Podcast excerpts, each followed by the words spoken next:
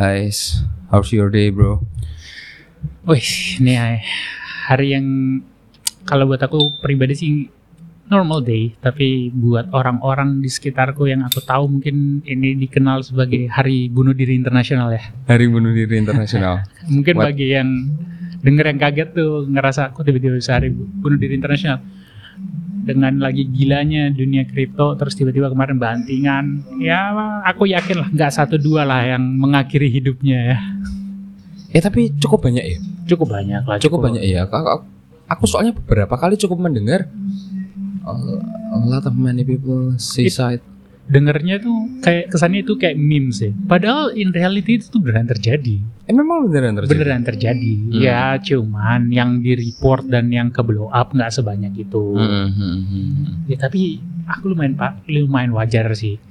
Because coba bayangin orang yang udah menikah terus punya tekanan ekonomi dan melihat eh, itu bukan sebagai investment tapi sebagai jalan keluar singkat Iya, iya, iya. eh ternyata mau jalan keluar singkat malah buntung ya dia Hmm. udah nggak bisa lagi kembali dari keterpurukannya ya memutuskan untuk ya udahlah kayaknya udahlah Dan eh apa ya? kit- banyak juga yang merasa mungkin aku harus meminjam uang dari bank. oke Mungkin aku harus menjual asetku hanya untuk bermain kripto. Bisa. Nah di mana itu ketika untung ya good for you you can probably change your life totally. But kalau gagal kayak gini apa nggak usah jauh-jauh balikin duitnya kayak yang minjemin pertanggungjawaban ke istrinya. How can he or she uh, look at their partner or their spouse Hmm. gimana? Gi- ngebayangin kalau aku ada di posisi itu 100 juta minjem and then due-nya itu let's say next week or today tiba-tiba uh, istriku ditelepon uh, atau pasanganku ditelepon. Gimana? Uangnya udah ada terus dia datang ke aku Dengan? dengan muka gimana pi? Udah ada uangnya? And then aku tahu uang itu nggak mungkin ada. Boro-boro ada. Harga aja masih turun kayak gini semua Iya, ya kan?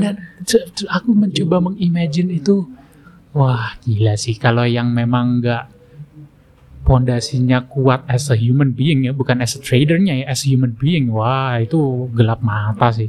Kalau yang dibunuh cuma dirinya sendiri masih syukur ya? Gak, gak masalah lah. Nggak Minimal beban hidup berkurang satu lah ya. kalau dia ngajak seistri seanaknya yang bersama-sama waduh waduh waduh waduh, waduh. semoga nggak ada lah ya. Jadi itu wajar banget gak sih kalau sebuah pernikahan tuh memang masalah pondasi utamanya tuh emang ekonomi banget ya. Ekonomi itu ngeri sih emang. Eh, ekonomi, kasur, Sur ya nomor dua. komunikasi. komunikasi. Jadi wajar lah ya kalau kemarin hari bunuh diri internasional karena masalah nomor satunya langsung kena banget kena banget Tapi eh, apa pun itu, apakah kamu setuju dengan label? Oke, kita bergerak sedikit lah. Kita bukan for your information aja buat yang ngedengerin. Kita bukan pialang trader or bukan something bukan else. bukan Kita di sini cuman kebetulan eh, aku mungkin ini malah kita yang belum kenalan. Aku Eko, ada partnerku. saya Arudo Kita di sini ketemu dari eh, tempat ngopi. Iya. Dimulai dari sono, eh, akhirnya kita ngobrol-ngobrol dan malah cocok.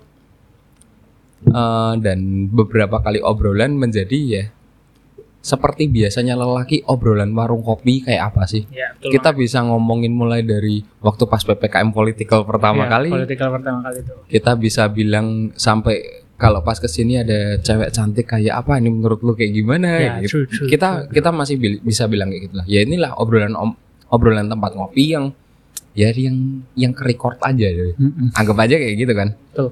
nah eh, cuman balik kalau perkara apa ya hubungan let's say apalagi yang udah nikah ya Yes. kalau yang udah nikah menurutku ekonomi ya em, hal yang paling berat sih lo akan bakal banyak ketimpangan menurutku kita akan banyak ketimpangan sama eh, pasangan kita entah siapa pun yang mungkin lebih memiliki nilai ekonomi itu Oke. Eh, misal aku aku ada istri kalau mungkin tingkat ekonomiku lebih baik Oke. itu kesannya nanti bakalannya kalau orang bilang semena-mena sama istri. Wih. Iya kan? Oke oke. Biasanya kayak gitu. Cuman si istri kan eh, selalu akan bilang ya jadi ibu rumah tangga tuh hal yang sangat ramah susah loh, Bro. Waduh. Jangan sampai itu keluar dengan nada bangga. Ja- Kenapa? jangan sampai pernah ada ibu-ibu yang berani dengan bangganya bilang jadi ibu rumah tangga itu pekerjaan paling susah. Wah, wah. Kalau Susah loh, Bro. kalau cuma kalau cuma melelahkan cuman ribet dikit boleh. Tapi kalau sampai dia bilang pekerjaan paling susah, waduh gila sih. Itu pekerjaan paling susah loh. Lu bayangin ya. Gimana gimana? Biar Bang- aku bayangin. Iya, lu, lu lu coba inget ikut bayangin flow-nya dulu ya. Bangun tidur let's say jam-jam berapa lah jam 5 Ya, jam siapin. 5 lah bilang lah. Kalau udah punya anak ya, Nggak, ini jangan. langsung aku bilang deh, Hmm. kalau udah punya anak Oke. bangun, ngebangunin anak, ngemandiin anak, Oke, sip. siapin sarapan buat anak, ya kan? Gila sih susah banget sih itu.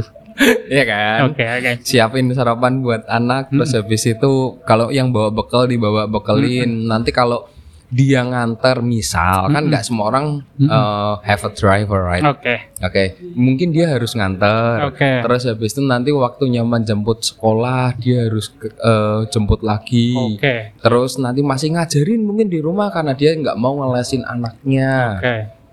Balik suami masih pulang dengan kondisi yang marah-marah dari tempat Oke. kerja. Dia merasa tertekan belum bersih-bersih rumah, bersihin mainan anak segala macam. Gila sih kalau aku ngebayanginnya sih hmm, pekerjaan yang berulang ya. kalau tapi sampai si ibu itu berani bilang itu pekerjaan paling susah, waduh, jangan sampai nih obrolan kedengeran ke Ibu-ibu. yang bukan ke orang-orang yang lagi capek-capek perang di Taliban. Gila sih, gila sih. Nggak kebayang mereka denger, hah, ibu-ibu rumah tangga pekerjaan yang susah. Ngepel pagi terus jam 2 siang tidur siang itu susah.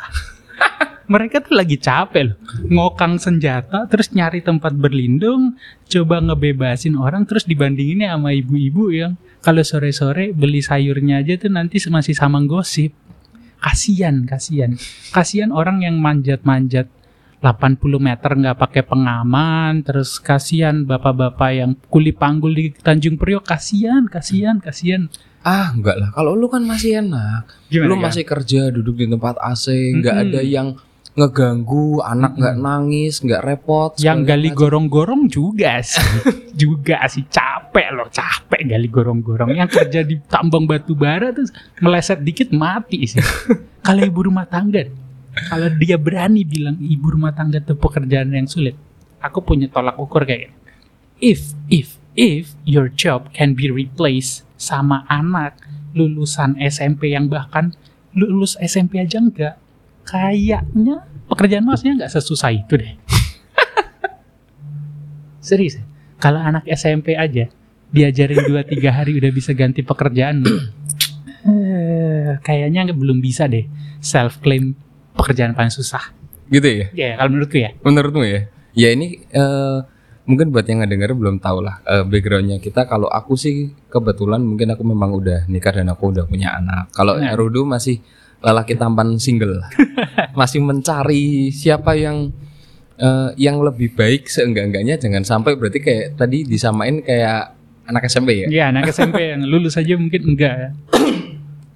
Karena bisa replaceable ke sana ya. Iya, karena bisa replaceable. Ketika pekerjaanmu sangat replaceable itu oke itu butuh effort, oke itu akan membosankan and stuff and stuff. Tapi please jangan self claim itu pekerjaan paling sulit lah. Come on, ayolah. Kas- kasihan loh mbak-mbak eh, ART digaji 2 juta kalau ternyata itu sebetulnya pekerjaan paling sulit. Harusnya gaji dia setinggi CEO dong kalau itu pekerjaan Harusnya paling ya. sulit ya.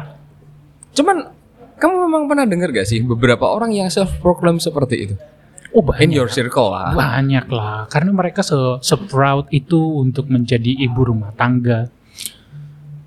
Aku nggak pernah look down ke ibu rumah tangga ya. Aku cuma gatel sama ibu rumah tangga yang se-proud itu sama pekerjaannya dan menganggap itu pekerjaan paling sulit aja. Mbak, Kalau if if that your call, buat menjadi ibu rumah tangga, go for it. Please go for it. Nggak mungkin dong masa aku jelek-jelekin. Karena apa pun pekerjaanmu nggak mungkin ku jelek-jelekin. Ya. Tapi ya ada batasan-batasan lah di mana kamu bisa ngeklaim dirimu gitu loh. Kalau tiba-tiba ada ada seorang kita bisa bilang apa ya eh, reviewer makanan bilang pekerjaannya pekerjaan paling capek di dunia karena dia harus dari satu resto ke resto lain sambil menikmati makanan bintang 5 dilayani kok kayak nggak tahu diri gitu loh. Apa kabar Afrika yang Iya, belum makan makanya. ya? Iya iya iya iya itu. Tapi kalau eh, let's say ini kembali lagi kalau masalah ke cewek. Masalah cewek ini juga susah loh, Bro. Kadang Kenapa? kita berurusan dengan pulang mood suami mungkin baru jelek. Kalau Hmm. enggak kita harus selalu dituntut cantik di depan suami. Oke. Kalau Kalau you agree? Kalau memang masih eh, after married eh aku harus menjaga penampilan nih. Kalau aku nih, let's say aku tidak diberkahi dengan keadaan ekonomi yang lumayan. Hmm.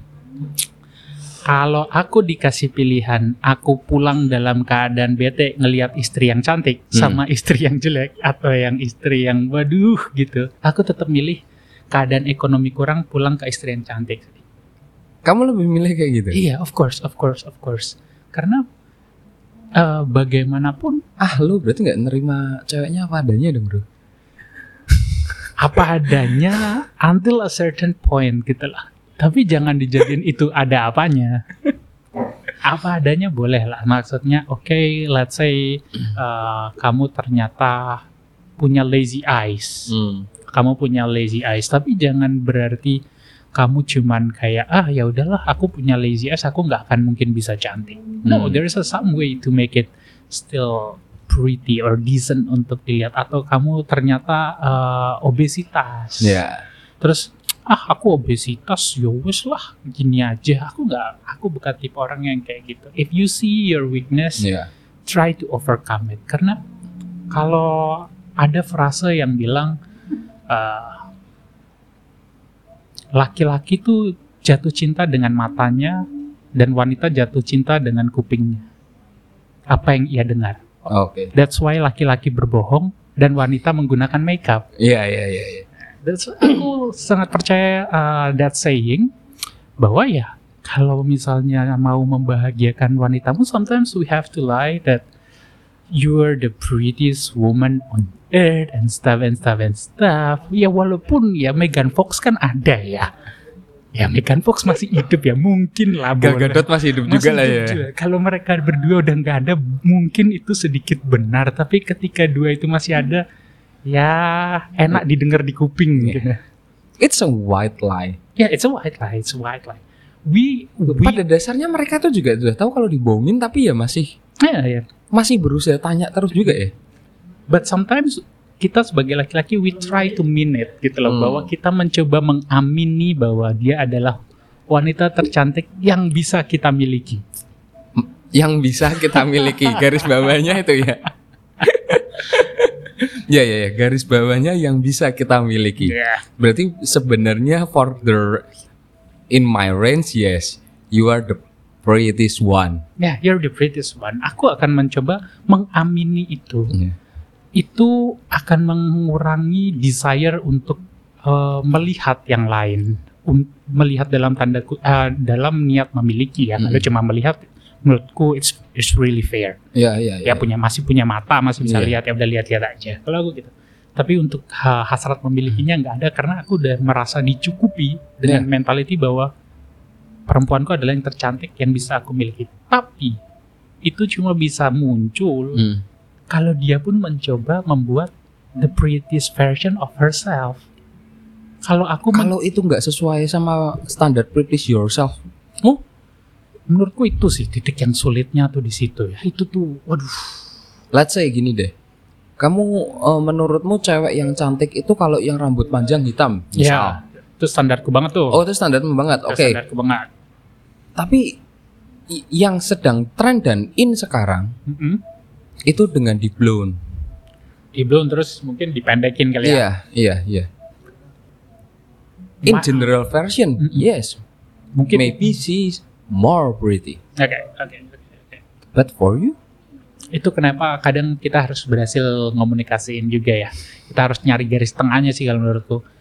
Kamu tuh mau cantik buat siapa? Atau tujuannya apa? Aku Hmm. bahkan tuh berani bilang kamu cantik tuh tujuannya apa? Kalau memang mau cantik buat diri sendiri doang ya udah. Tapi mungkin aku tidak se dalam tanda kutip seneng itu ngelihat kamu Hmm, ada juga cantik yang tujuannya jualan konten ya, ya bisa aja kita punya pasangan yang memang dia kreator. kreator Oke, yang memang rambutnya harus nyeleneh ya. ya mau apa apa boleh dibuat ya Hmm, memang itu hmm, harus hmm. cantik sesuai target marketnya Hmm. balik kan ke target market Iya. bahkan suami itu target market loh Mm-mm. hanya Ya. kecil target market yang kecil Oke, tapi kalau sampai di titik eh, banyak orang yang bilang dia itu memang cantik dan menurutmu karena kamu udah belum tidak sesuai dengan standarku rambutmu sekarang jadi agak pendek. If eh, bukan bukan if ya, lebih tepatnya ada posibilitas berarti lu cari yang lain juga kan? Karena dia nggak nurutin keinginan lu juga kan? ada batas-batas di mana bisa ditoleransi ada batas-batas enggak ya menurutku untuk dia aku sampai mencari yang lain kurasa nggak perkara rambut dan panjang Iya, rambut Iya. but mungkin mungkin kalau batas-batas yang lebih ekstrim lainnya di mana let's say aku really against botox Oke. atau udah hal-hal yang kayak operasi Hmm, atau apa pun hmm. ya kita udah bisa mulai nih komunikasi yang lebih serius lagi kayaknya aku kok nggak setuju banget ya kalau kamu begini Mhm. kayaknya tapi kalau dia melakukan itu dalam nam dalam nama mempercantik ataupun enhancing herself aku tetap bakal nyari sih titik di mana aku bisa nerimanya karena bagaimanapun dia effort buat I want to look better Ya. kalau untuk orang-orang yang kayak gini tuh aku sangat appreciate sih. Mhm. walaupun kadang caranya dia yang ngelakuin nggak sejalan dengan mauku yang aku nggak bisa appreciate adalah orang-orang yang bilang aku tuh gini ya kalau kamu suka ya udah Nah, itu akan masuk ke pertanyaanku berikutnya. Banyak pada saat oke ini eh, pada saat kamu sudah berkomitmen sama orang, oke eh, seiring berjalannya waktu, physically bakal berubah. oke Itu alam. oke Khususnya kalau mungkin udah pernah melahirkan atau segala macam. oke Ada beberapa orang yang memang eh, ya udah gennya aja dia pasti bakal membesar. oke Itu udah gen.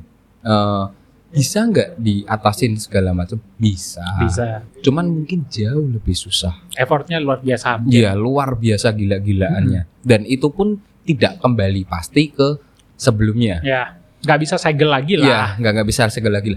Intinya eh, kalau sampai di titik itu dia bilang kamu dulu aja nerima aku kayak gini kok. Waktu kamu waktu aku masih priority, Iya. Kamu yang ngejar-ngejar aku sampai kayak gitu. Ya. For now, ah, setelah aku ngelahirin, aku udah punya anak kayak gini dan menurutmu kamu masih harus menuntut aku cantik terus dengan aku masih mengurus anak dan sebagai tugas ibu rumah tanggaku yang sangat luar biasa capai itu. Oke, eh, aku akan memisalkan sedikit bahwa kasusnya ini biasanya normally terjadi. Ya, aku nggak tahu ya kalau buat orang-orang yang ungrateful itu special case. Tapi in general ini terjadi biasanya ketika laki-lakinya sudah semakin mapan finansial.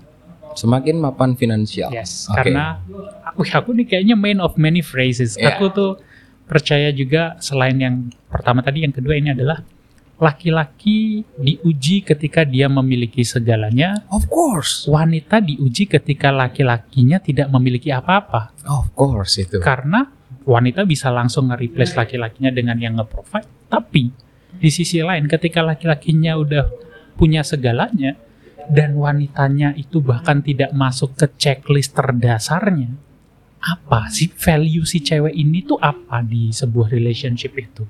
Let's say ceweknya cantik tidak, Hmm. mulutnya manis tidak, Mm-mm. penurut tidak, Mm-mm. Mentally supporting tidak. Mm-mm. Terus apa value-mu dalam sebuah relationship itu apa? Terus tiba-tiba cewek bilang, tapi aku masak. Mohon maaf nih, kalau cuma gaji orang yang masak nggak pakai marah-marah, 3 juta, 4 juta gue udah dapat level chef nih. Mohon maaf aja ya, kagak pakai marah tuh. Dan harusnya lebih enak. Harusnya lebih enak. Makanya kayak jangan kita harapanku adalah sebagai orang eh, kayak melihat sebuah pernikahan tuh jangan sampai kita itu malah menurunkan value kita sebagai pasangan gitu loh. Bahkan Hmm. let's say kalau sebelumnya cowokku let's say dia itu posisinya udah lumayan dia laki-laki yang baik dia laki-laki yang ya dalam tanda kutip em, hampir sempurna aku di posisi yang cuma begini-begini aja tuh sebetulnya ancamannya luar biasa banyak loh Iya. okay, my guy can be faithful or he is trying to be faithful. Tapi kan wanita lain kan nggak punya kewajiban buat keep faithful ataupun antri. Banyak loh. Yang Ah, berarti kamu nggak nggak ngehargain komitmennya dong? kalau aku menghargai komitmennya jika itu give and take. Give and take. Yes. So you have a chance to be replaced too. Oh ya, of course kalau aku pun tidak keep up. Ya. kalau aku contoh aku pun tidak menjaga penampilan aku tidak menjaga lisan karena seperti tadi yang eh, koko bilang di depan laki-laki yang menghidupi istrinya jadi semena-mena Hmm, hmm, hmm. nah di situlah value si laki-lakinya di, di dijaga gitu lah bahwa aku tetap making decent money tapi aku tetap menghargaimu selayak mungkin aku tidak menjadi tidak menyam tidak melihatmu sebelah mata Hmm. Nah, kalau ce- kalau cewek itu harapannya mempercantik terus mentally support kalau cowok itu walaupun dia make money dia tetap bisa ngelihat pasangannya tanpa sebelah mata kalau aku cara ngelihatnya tuh gitu Oke, oke, oke. jadi kalau si cewek tuh ayo ayo percantik diri kalau Hmm, cowok tuh itu hmm. Ayo ayo percantik ke eh perganteng diri kalau Ya. pribadi tapi Kalau enggak eh, perbesar saldo. ya perbesar saldo Iya kan? tapi percuma perbesar saldo kalau misalnya nggak diimbangin sama attitude lah Ya, ya, ya, ya. Aku Di juga si- setuju. di situ beratnya si cowok Karena case-nya rata-rata kalau udah ban eh, udah memiliki rekening yang cukup, Mm-mm. dia akan memperlakukan dengan tidak tidak ya ada perbedaan lah. Iya betul. Mulai semena-mena. Mm-mm. pada saat semena-mena itu ya malah pada saat semena-mena itu harusnya eh, problemnya itu udah nggak di ekonomi lagi Betul, betul. Langsung ke komunikasi. karena apa urusannya itu bakal kembalinya dengan kayak gini aku nyari orang yang lebih bisa ngargain aku Betul. this gonna be shit man Ya, gimana ya bilangnya ya? Ada yang bilang bahwa uang bukan segalanya tuh biasanya orang kaya loh. uang bukan segalanya Biasanya yang ngomong tuh malah orang kaya loh. kalau sedikit Hmm.